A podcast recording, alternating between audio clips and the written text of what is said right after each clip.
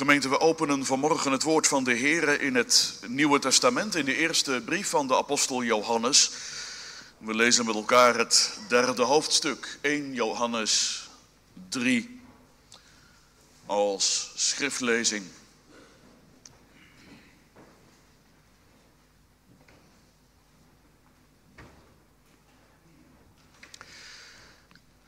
Ziet hoe grote liefde ons de Vader gegeven heeft, namelijk dat wij kinderen van God genoemd zouden worden. Daarom kent ons de wereld niet, omdat zij Hem niet kent. Geliefden, nu zijn wij kinderen van God en het is nog niet geopenbaard wat wij zijn zullen.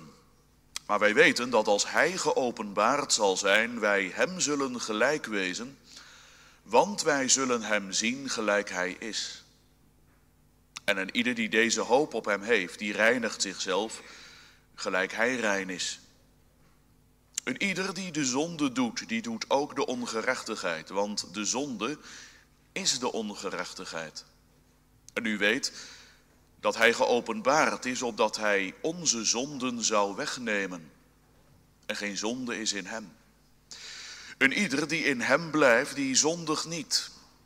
En ieder die zondig, die heeft hem niet gezien en heeft hem niet gekend.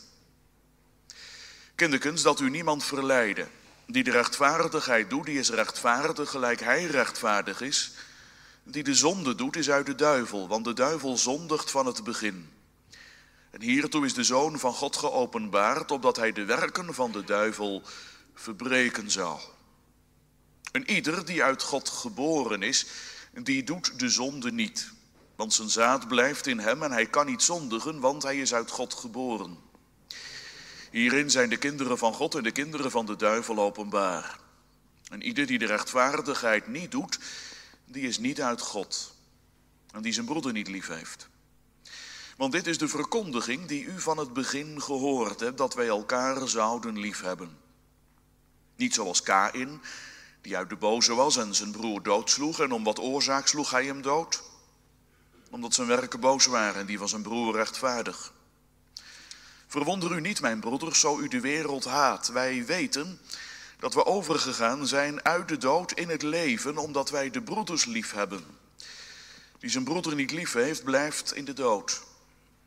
En ieder die zijn broeder haat, is een doodslager. En u weet dat geen doodslager het eeuwige leven heeft in zich blijvend. Hieraan hebben wij de liefde gekend dat hij zijn leven voor ons gesteld heeft. En wij zijn schuldig voor de broeders het leven te stellen. Zo wie nu het goed van de wereld heeft en ziet zijn broeder gebrek lijden en sluit zijn hart toe voor hem, hoe blijft de liefde van God in hem? Mijn kinderkens, laat ons niet lief hebben met het woord, nog met de tong, maar met de daad en waarheid. En hieraan kennen wij dat we uit de waarheid zijn en we zullen onze harten verzekeren voor hem. Want indien ons hart ons veroordeelt, God is meerder dan ons hart. En hij kent alle dingen. Geliefden, indien ons hart ons niet veroordeelt, zo hebben wij, hebben wij vrijmoedigheid tot God. En zo wat wij bidden, ontvangen wij van Hem.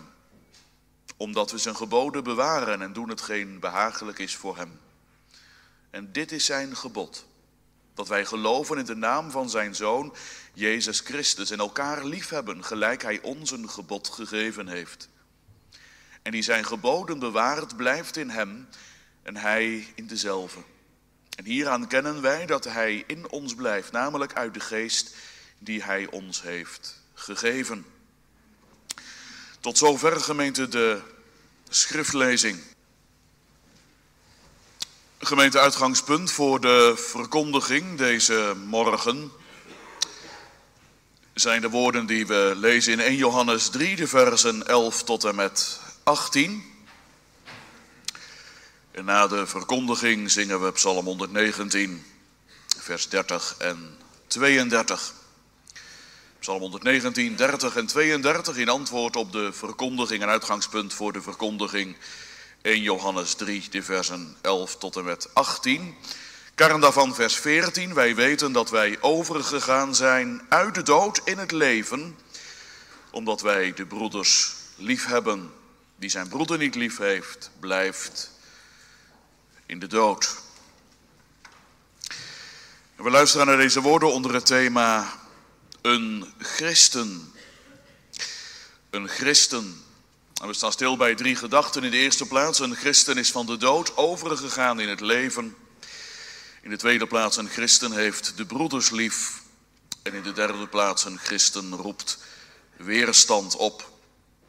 Een christen is van de dood overgegaan in het leven. Een christen heeft de broeders lief. En een christen roept weerstand op. Gemeente van onze Heer Jezus Christus, wat is nu eigenlijk kenmerkend voor een echte christen? Waaraan kun je een echte christen herkennen? Ik kan ook dichterbij komen en de vraag maar gewoon recht op de man af aan je stellen. Hoe weet je dat jij een echte christen bent? Eigenlijk is dat de vraag waar het in de eerste Johannesbrief voortdurend opnieuw over gaat. Hoe weet je nu dat je een echte christen bent? Het is natuurlijk niet zo gek dat Johannes daar telkens opnieuw op terugkomt als je bedenkt dat deze gemeente waar Johannes zich aan richt, een gemeente is die te maken heeft gekregen met dwalingen. En die dwaling en die dwaalleraren, dat waren geen mensen die van buitenaf kwamen, maar dat waren mensen die deel uit hebben gemaakt van de gemeente. Ze hebben in dezelfde kerkbank gezeten. Ze hebben dezelfde liederen gezongen. Ze hebben dezelfde verkondiging gehoord. Ze hebben aan dezelfde avondmaalstafel gezeten.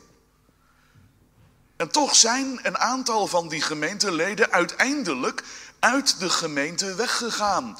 En daarmee zegt Johannes, hebben ze laten zien dat ze niet echt bij de gemeente hoorden, dat ze geen echte christenen waren. Maar tegelijkertijd hebben ze wel de gemeente in verwarring achtergelaten. Hoe weet je nu dat je een echte christen bent? En de apostel Johannes gemeente, hij komt daar voortdurend opnieuw in zijn brief op terug. Je merkt dat aan die woorden, wij, wij weten en hieraan kennen wij, hieruit kunnen we opmaken dat. Telkens opnieuw probeert hij die gemeente als het ware bij de hand te nemen en ze te laten zien, waar gaat het in het christenleven nu echt om? In het voorgaande gedeelte daar hebben we daar vorige week bij stilgestaan, hebben we gezien dat Johannes een hele scherpe tegenstelling tekent tussen aan de ene kant de kinderen van God en aan de andere kant de kinderen van de duivel. En voor Johannes zou je kunnen zeggen, is er ook geen tussenweg. Je hoort bij een van die twee categorieën, bij een van die twee groepen mensen. Of je bent een kind van God, of je bent een kind van de duivel. Of je vertoont in je leven de karaktertrekken van de Heere. Ja, of je vertoont in je leven de karaktereigenschappen van de duivel, van de dood, van de zonde. Je zou het ook anders kunnen zeggen vanmorgen. Of je lijkt in je leven op Kain. Of je lijkt in je leven op Abel. Die twee zonen, weet je wel, van Adam en Eva, jongens en meisjes. Abel, de rechtvaardige Abel, die de Heere offerde. En het offer van Abel werd door de Heere aangenomen. En, en aan de andere kant had je dan Kain, Kain die ook offerde. Maar het offer van Kain werd door de Heere niet aangenomen. Kain was geen rechtvaardige. Kain was een man van wie de werken boos waren, dat wil zeggen van wie zijn handel en wandel getekend werd en gestempeld werd door de zonde. Kain was de man beheerst door de jaloezie. De man die graag de belangrijkste wilde zijn, die de eerste wilde zijn. Die het eigenlijk niet hebben kon als een ander de eerste was, als een ander belangrijker was. En als dat dan toch gebeurde, dan werd de jaloezie haat, verbittering. En het leidde er uiteindelijk toe dat hij zijn broer heeft doodgeslagen. We komen daar zometeen nog wel even op terug. Twee soorten mensen. Maar hoe weet je nu dat je bij die kinderen van God hoort? Bij dat geslacht van Abel hoort? Nou, Johannes gemeente, hij, in het gedeelte dat vanmorgen onze aandacht vraagt, geeft Johannes daar eigenlijk drie, drie aanwijzingen bij.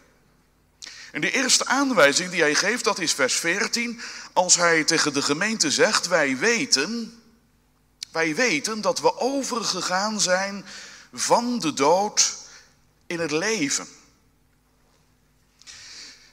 Wat nodig is om kind van God te zijn, dat, dat is een overgang, een verandering er moet iets met je gebeuren. Van nature hoor je bij die kinderen van de duivel, hoor je bij dat rijk van de dood, hoor je bij die macht van de zonde.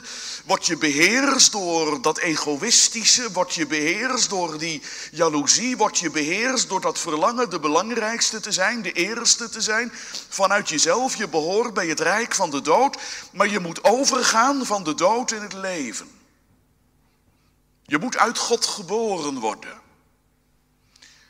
Er moet iets gebeuren. Ja, wat dan?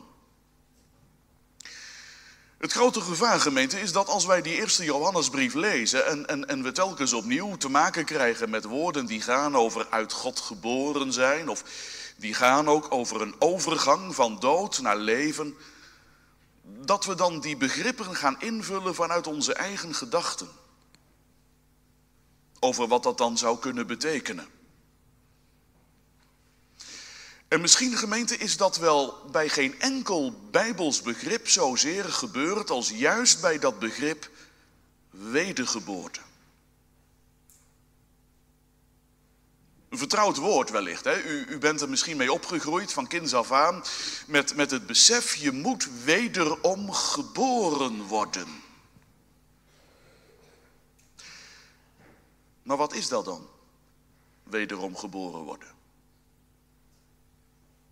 Wat, wat is dat dan? Van dood levend gemaakt worden. Wat me opvalt als ik in gesprek ben met jongeren op de categorisatie of als ik in gesprek ben met mensen in, in het pastoraat, dat, dat als het gaat over dat begrip wedergeboorte, dat dat een bekend begrip is. Je bent ermee groot geworden, dat moet met jou gebeuren. Maar als dan de vraag klinkt, ja wat is dat dan? Hoe stel je je dat dan voor? Dan, ja, dan blijft het meestal stil. Misschien is dat ook wel typerend voor de tijd waarin we leven en voor de kerkelijke situatie waarin we leven, dat we de begrippen nog wel kennen, maar dat we meestal geen flauwe notie meer hebben van wat die bijbelse begrippen nou eigenlijk precies betekenen. Nou ja, dan wordt geloven wel iets heel vaags. Wat belangrijk is, gemeente, om te beseffen dat als Johannes dit soort woorden gebruikt, dat Johannes daar heel nadrukkelijk ook telkens weer verbanden legt met de rest van de schrift. En misschien is het goed, gemeente, om die woorden eens op te zoeken. Als Johannes het hier heeft over overgaan van de dood in het leven, dan verwijst Johannes heel concreet naar de woorden van de Heer Jezus in Johannes 5.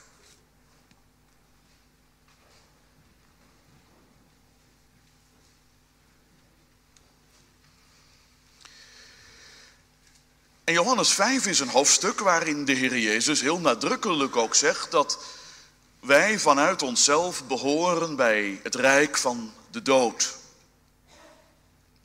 Maar te midden van die doden gebeurt er iets. En kijkt u eens even naar vers 24.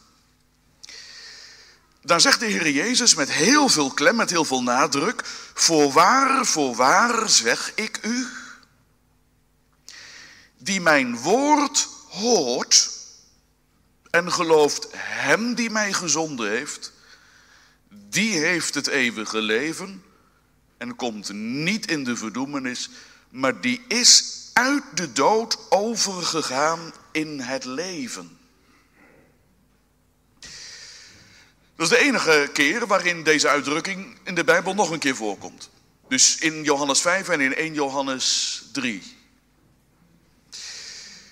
Overgaan van de dood in het leven, wat is dat? Nou zegt de Heer Jezus, wat overgaan van de dood in het leven is, wat het eeuwige leven ontvangen is en niet in de verdoemenis komen is, dat is dat je, dat je de woorden van de Heer Jezus hoort en dat je je vertrouwen stelt op de Vader die hem heeft gezonden.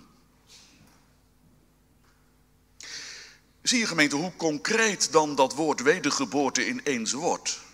Hoe tastbaar?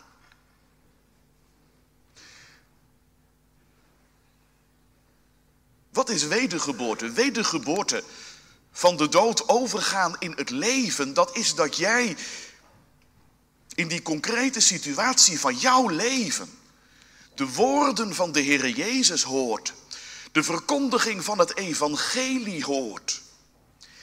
En dat die verkondiging van het evangelie niet alleen maar woorden zijn die je aanhoort en die je naast je neerlegt. Nee, dat zijn woorden die jouw hart en die jouw leven raken. Dat zijn woorden waar je amen op gaat zeggen. Waarvan je gaat zeggen, het is waar.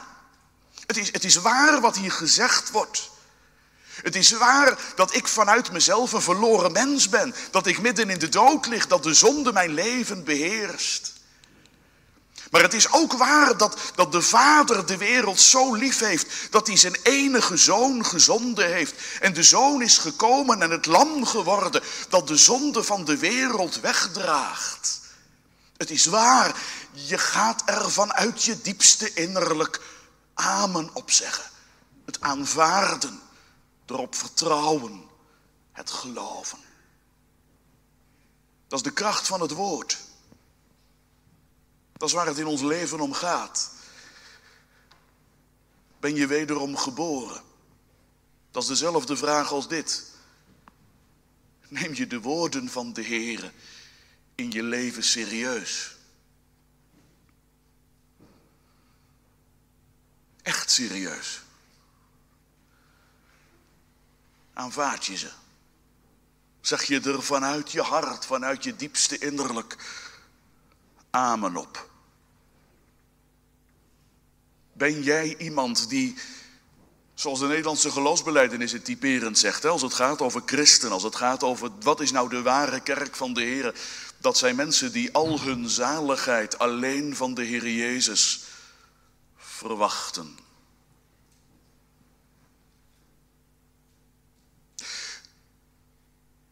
Dat is het eerste wat Johannes noemt als het gaat over kind van God zijn. Je bent van de dood overgegaan in het leven. Je gelooft de woorden van de Heer Jezus. Je aanvaardt ze. Ze gaan je leven stempelen. Ze worden bepalend in jouw leven. Maar daar blijft het niet bij. Want als je die woorden van de Heer Jezus, en, en dat is voor Johannes heel, heel praktisch, als je die woorden van de Heer Jezus hoort, en als je die woorden van de Heer Jezus gelooft, als je die woorden serieus neemt, dan heeft dat hoe dan ook te maken met jouw concrete dagelijkse leven. Daar verandert iets. Johannes maakt dat in dit gedeelte duidelijk door in de eerste plaats te wijzen op dat voorbeeld van Kain. En Kain zegt hij, Kain die was uit de boze. Kain was de man die zijn broer doodsloeg. Eigenlijk is dat woordje doodslaan een wat zwakke vertaling van het woord wat in het Grieks eigenlijk gebruikt wordt, namelijk het woordje afslachten. Kain heeft zijn broer afgeslacht, op een brute wijze om het leven gebracht. Wat beheerst Kain? Ja, zomaar zou je dan vanuit dit woordje kunnen denken. Ja, Kain, dat was natuurlijk zo'n brute moordenaar. Die hebben we in deze wereld wel meer van die mensen rondlopen. Hè? Die deinzen er dan niet voor terug.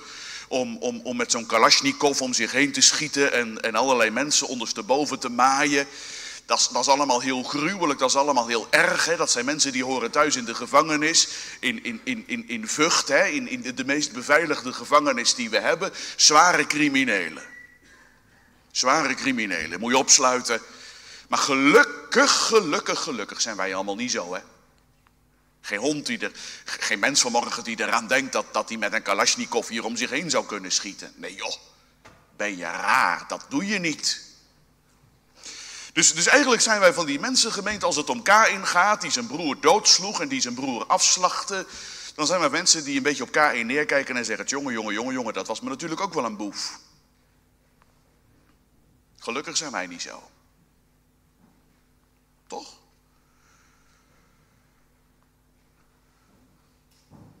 zoals we ook kijken naar, naar allerlei andere mensen natuurlijk in deze wereld. We kijken naar, naar Hitler. Hè? Hitler, dat was natuurlijk de meest gruwelijke man die in de 20e eeuw geleefd heeft. Moet je eens kijken wat die allemaal heeft uitgespookt en uitgevreten. En hoeveel doden die man op zijn geweten heeft. Maar wij lijken in de verste verte niet op hem. Echt niet. Gelukkig niet.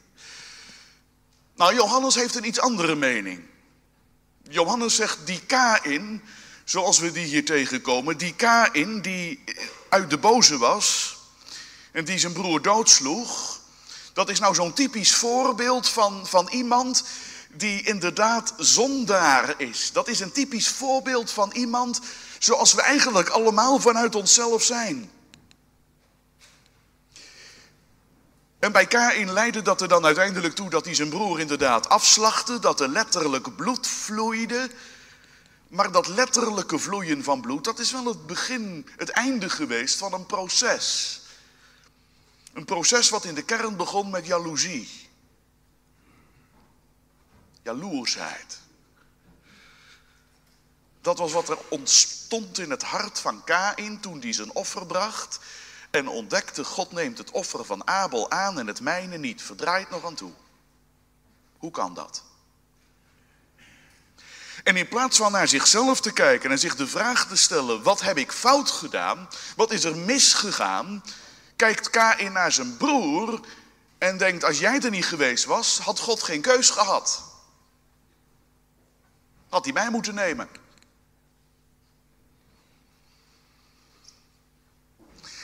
En je voelt bij in die jaloezie branden. Hè? Jaloezie waardoor die zijn broer haat, eigenlijk zijn broer geen, geen licht in de ogen gunt, was jij er maar niet geweest. Zo kun je jaloers zijn op die populaire jongen in de klas. En hem eigenlijk haat. Als jij er niet was, was ik misschien wel de populairste. Zo kun je naar je collega kijken op je werk. Als jij er niet was, maakte ik tenminste kans op promotie. Er vloeit geen bloed. Sterker nog, er is misschien wel niemand die weet dat je zo in elkaar steekt.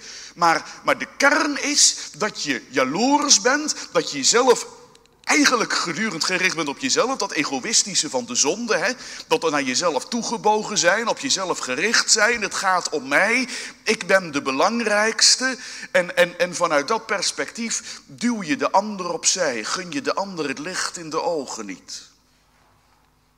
Nou zegt Johannes, als je je broeder haat, dan ben je net als Kain, je behoort bij de sferen van de dood.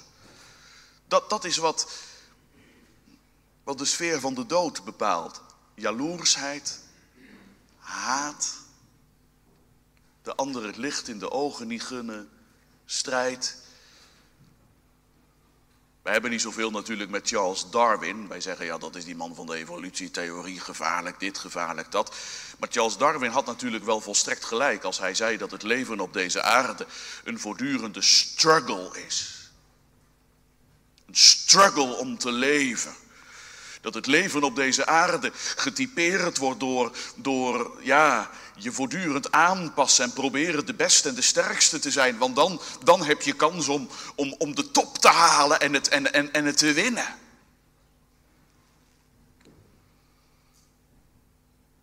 Dat zijn hele Bijbelse noties. Het leven dat door de zonde getypeerd wordt, is het leven van de strijd, is het leven van de haat, is het leven van de ander opzij duwen, is het leven waarin je de ander geen plek gunt.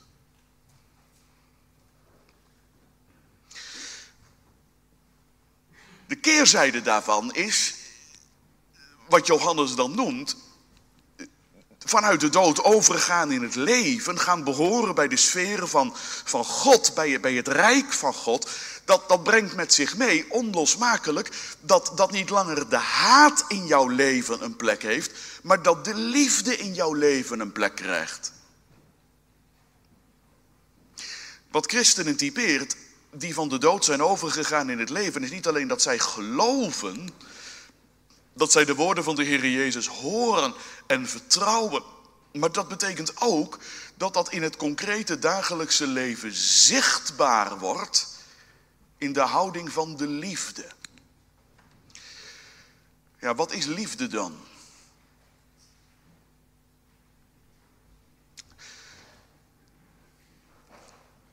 Als wij het over liefde hebben, gemeente, dan moeten we ons goed realiseren dat wij daarmee westerse, moderne mensen zijn. Als wij het over liefde hebben, dan hebben we het heel vaak over een gevoel. Een bepaalde emotie. Als we het over liefde in, in relaties hebben of in een huwelijk hebben, hè, dan, dan gaat het over gevoel, dan gaat het over vlinders in je buik, dan gaat het over een, je hart wat sneller gaat kloppen.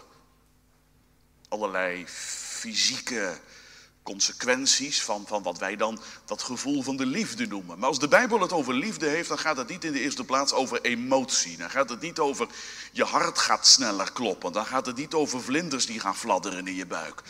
Dan gaat het, ja, dan gaat het over jouw doen en laten. Dan gaat het over de keuzes die jij maakt.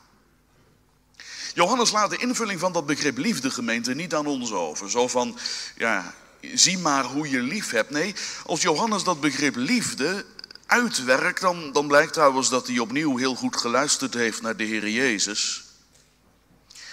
Want als Johannes dat begrip liefde uitwerkt, dan, dan zegt hij, om te weten wat echte liefde is, moet je naar de Heer Jezus kijken.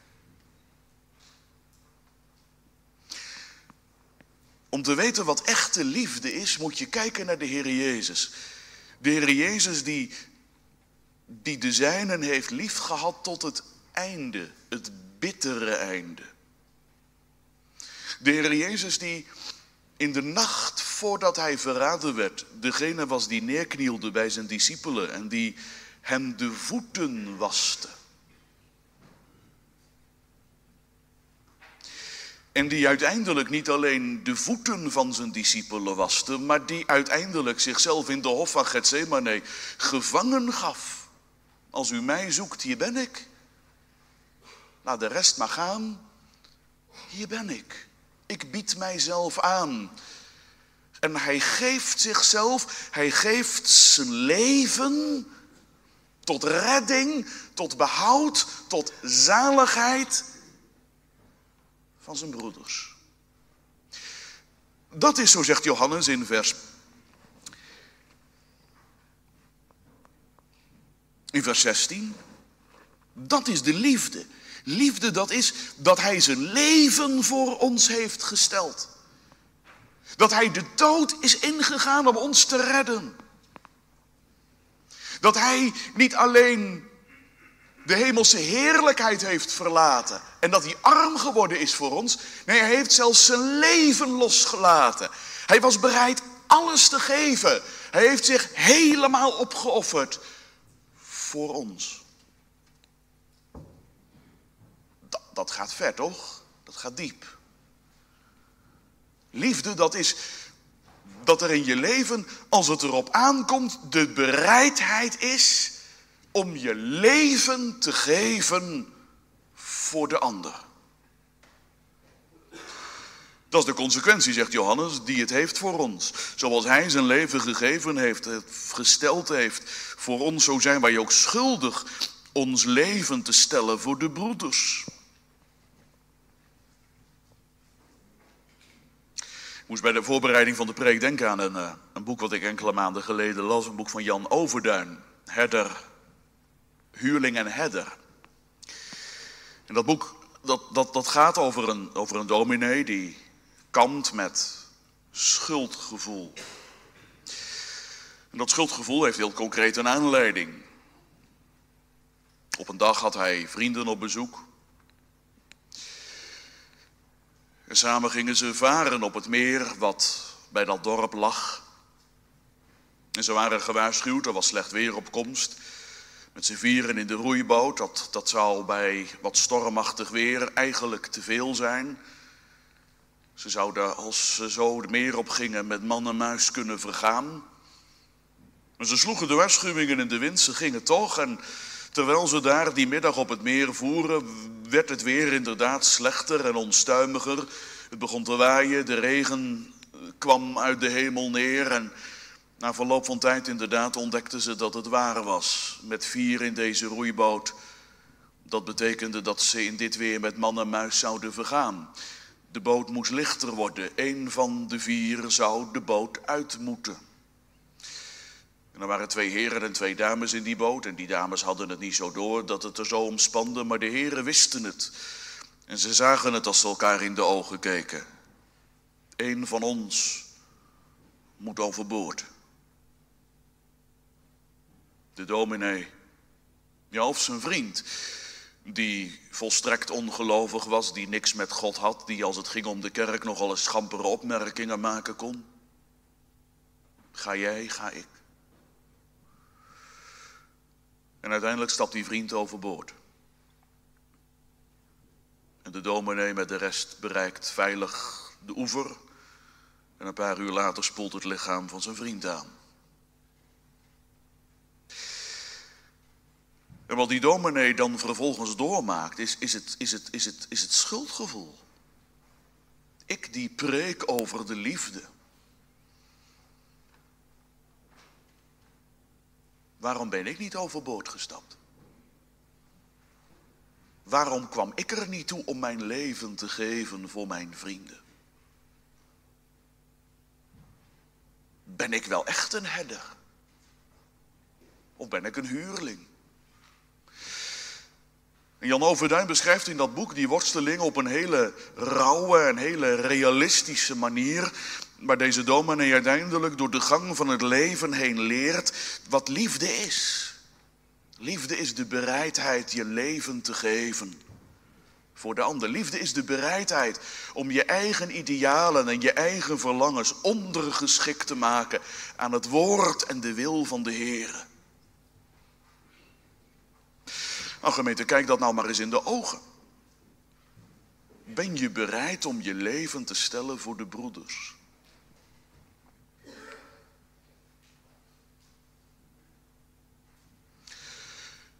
Dat is hoog gegrepen, zeg je. Dat is ook niet zo realistisch. Wanneer zou dat nou voor kunnen komen? Hè? Kijk, in dat boek van Jan Overduin komt dat dan concreet voor. Maar, maar, maar ja, dat is een boek.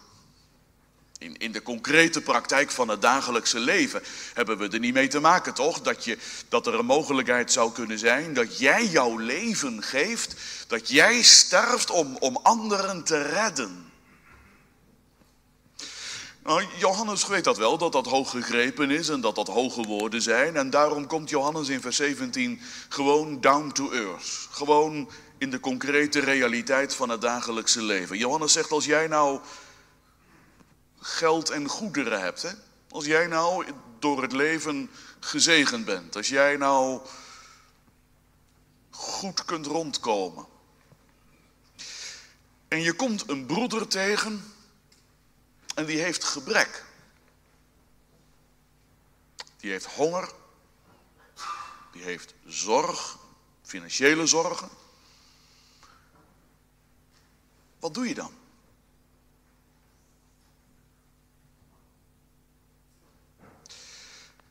Opnieuw laat Johannes zien dat hij de Bijbel kent. De verwijzing is dit naar Deuteronomium 15. Waar het gaat over het jubeljaar. Stel je voor, zegt de Heer daar, dat een Israëliet gebrek lijdt en dat die Israëliet bij jou komt. En dat die Israëliet bij jou aanklopt om geholpen te worden. Wat doe je dan? Nou zegt de Heer, één ding moet je dan niet doen, dat is gaan rekenen. Het is het zesde jaar, volgend jaar het zevende jaar, het jubeljaar. Hoeveel heeft hij nodig om de komende maanden te overleven?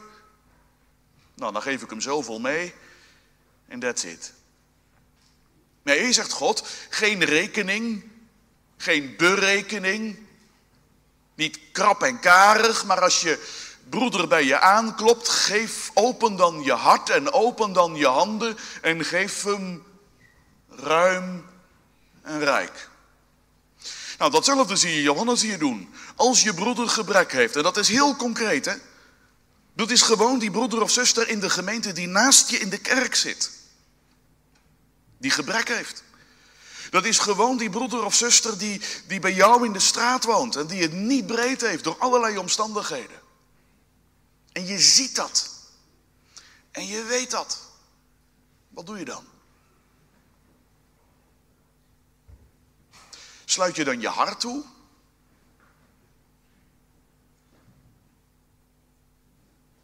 Draai je je dan om en ga je over tot de orde van de dag?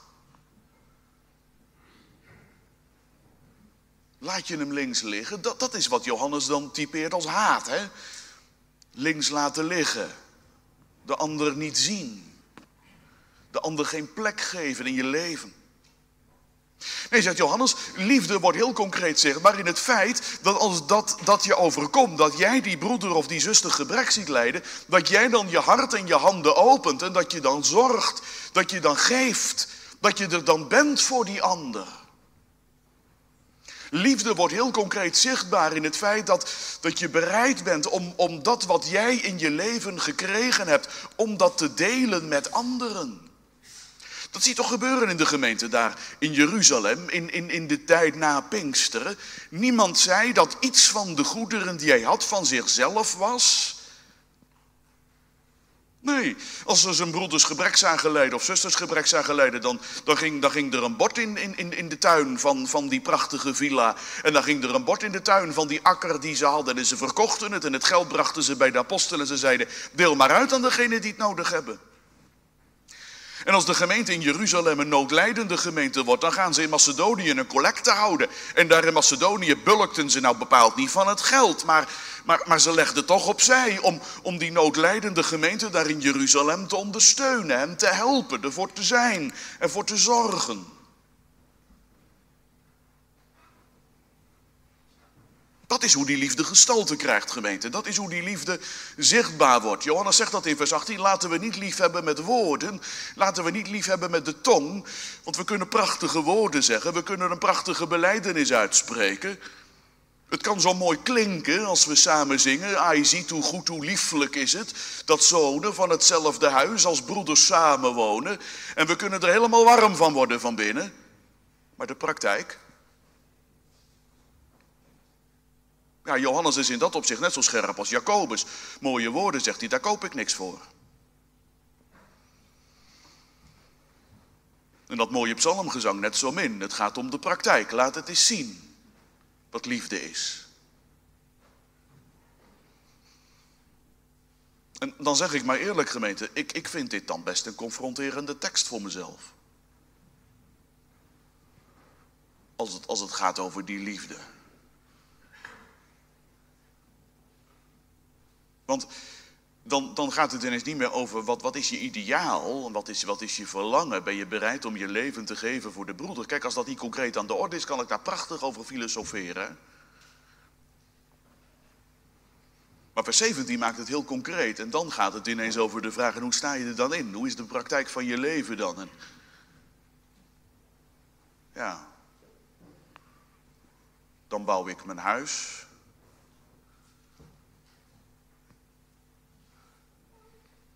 En mijn naaste dan?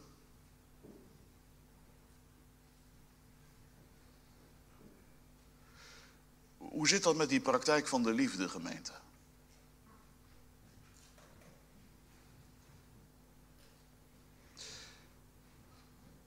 Is de kerk, als het daarom gaat, niet, niet net zo goed individualistisch en op zichzelf gericht als, als heel de samenleving? En bestaat de christelijke gemeente niet vaak ook gewoon uit allerlei op zichzelf staande eilandjes? Ieder gezin voor zich, als wij het maar goed hebben?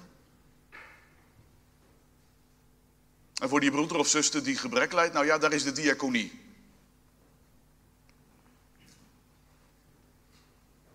Je kunt afschuiven. Maar dat is niet de concrete werkelijkheid, gemeente. Als u ziet als u weet, wat doet u dan?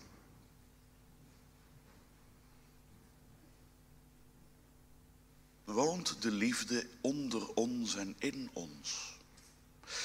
Krijgt die liefde ook concreet gestalte? Van de dood overgaan in het leven. Gaan leven van de liefde van God, hè, die, die zijn zoon heeft prijsgegeven. Van de liefde van Christus, die zijn leven heeft prijsgegeven. Als je daarvan leeft, als dat jou voor ogen staat, gemeente, dan doet dat wat met je hart, dan doet dat wat met je innerlijk. Dan is dat een aansporing om ook concreet in de praktijk van het dagelijkse leven lief te hebben. Ja, dat is niet makkelijk. Dat is onze derde gedachte, gemeente.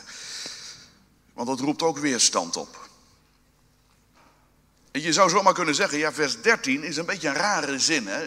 Als je het betoog van Johannes leest, dan, dan is dat een soort onderbreking, een soort tussenzin. Die je trouwens ook al aan het begin van hoofdstuk 3 tegenkomt, bij vers 1, het slot. En daarom kent ons de wereld niet, omdat ze hem niet kent. Het, het zijn van die tussenzinnen die, die in het betoog van Johannes er telkens opnieuw weer, weer tussenkomen die soms ook een beetje storend het geheel wat onderbreken. Johannes werkt dat ook niet helemaal uit in zijn brief. Maar het zijn wel van die tussenzinnen die, die Johannes gebruikt om te laten zien, ja, christen zijn en als christen leven in deze wereld, dat is niet makkelijk. Dat, dat roept weerstand op. Dat, dat heeft de Heer Jezus ons al geleerd. In Johannes 13 en 15 heeft de Heer Jezus uitgebreid gesproken over de liefde. De liefde voor de zijnen, de liefde voor die zo diep gaat dat hij zijn leven geeft. Maar dan zegt Jezus ogenblikkelijk, ja, ze hebben mij gehaat, ze zullen ook jullie haten. De wereld verdraagt jullie niet. De wereld verdraagt deze liefde niet. De wereld verdraagt het niet als jullie het beeld van God gaan vertonen. Dat beeld van de gerechtigheid. Dat beeld van de betrouwbaarheid. Dat beeld van, van de bereidheid offers te brengen. De wereld verdraagt dat niet. De wereld snapt dat niet. De wereld begrijpt dat niet. Dat is logisch, zegt Johannes, want die wereld zit nog steeds in de greep van de duisternis. Die wereld wordt nog steeds beheerst door de zonde. Die wereld wordt getypeerd door egoïsme. Die wereld snapt niet de keuzes die je maakt. De wereld begrijpt dat niet. En als dat in de wereld te dichtbij komt, dan, dan zullen ze proberen je de mond te snoeren. Want, want die liefde van jou stoort en die liefde van jou roept de ander tot bekering en tot verandering. Ontmaskert het kwaad wat er bij de ander zit.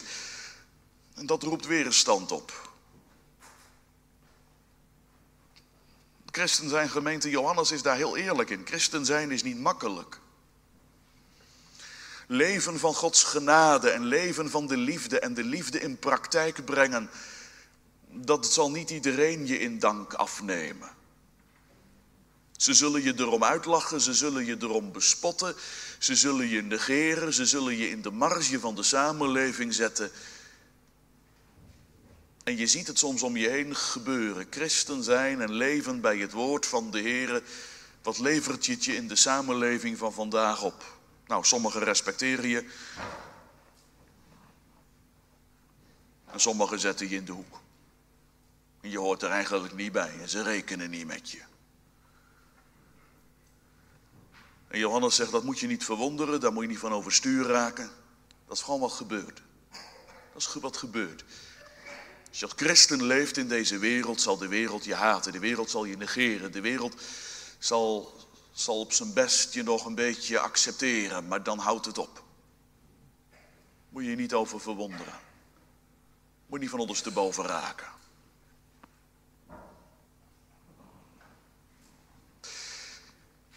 Dat is de realiteit. De wereld zal je haten. De wereld zal niks met je kunnen beginnen. Verwonder je daar niet over. Maar leef naar de wil van God. Want dat is wat jou, en daar zullen we als de Heer het geeft na de vakantie bij stilstaan. Maar dat is wat jou de vrijmoedigheid geeft. Eigenlijk zegt Johannes, die haat van de wereld hoeft je niet te verwonderen. Als, de, als je de gunst van God hebt, heb je toch veel meer.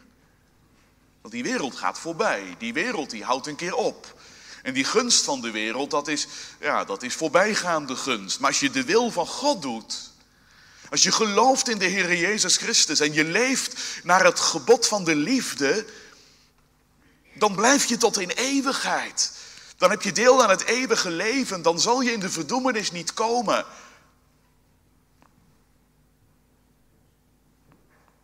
En tegelijkertijd, gemeente, ik kan me dan ook voorstellen dat je al luisterend naar dit toch wel hooggegrepen woord, over de liefde en over die liefde die in praktijk gebracht moet worden, eigenlijk het gevoel hebt, ja, maar mijn hele leven beantwoordt hier, hier maar zo matig aan. Als ik heel eerlijk ben, ja, het is het verlangen van mijn hart om, om de Heer te dienen en om de Heer lief te hebben en om mijn naaste lief te hebben en om van nu voortaan in waarachtige liefde en eenheid met mijn naaste te leven. Dat herken ik wel, dat verlangen, maar de praktijk is zo weerbarstig, de praktijk is zo ingewikkeld.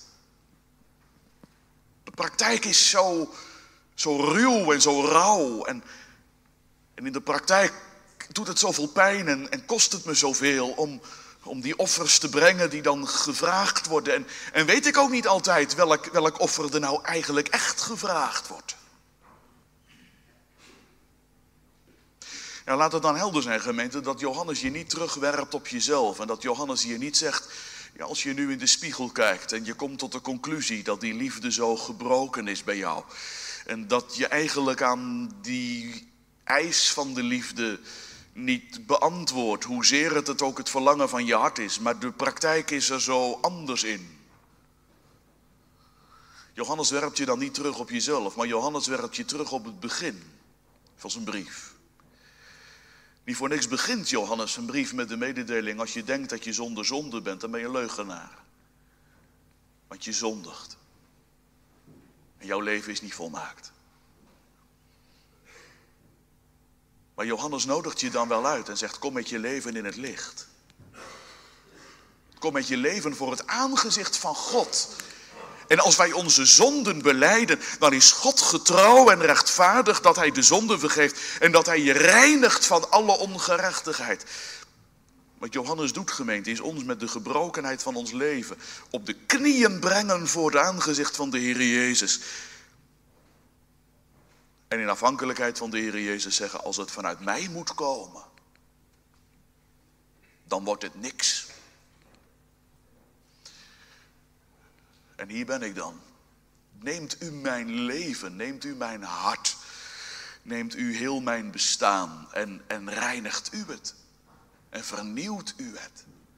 En hoofdstuk 1 begint dan toch met de belofte dat hij een verzoening is. En dat God dan reinigen zal door het bloed van de Zoon, dat reinigt van alle zonden. Kijk gemeente, dan wordt deze opdracht die hier klinkt, en die hoog gegrepen is, niet een onmogelijk ideaal. Maar dan wordt dat de opdracht die ons brengt aan de voeten van de Heer Jezus, opdat Hij het in ons leven geven zal en bewerken zal, zodat meer en meer het geloof door de liefde gaat werken en meer en meer de liefde zal gaan schitteren tot heerlijkheid van God. Amen.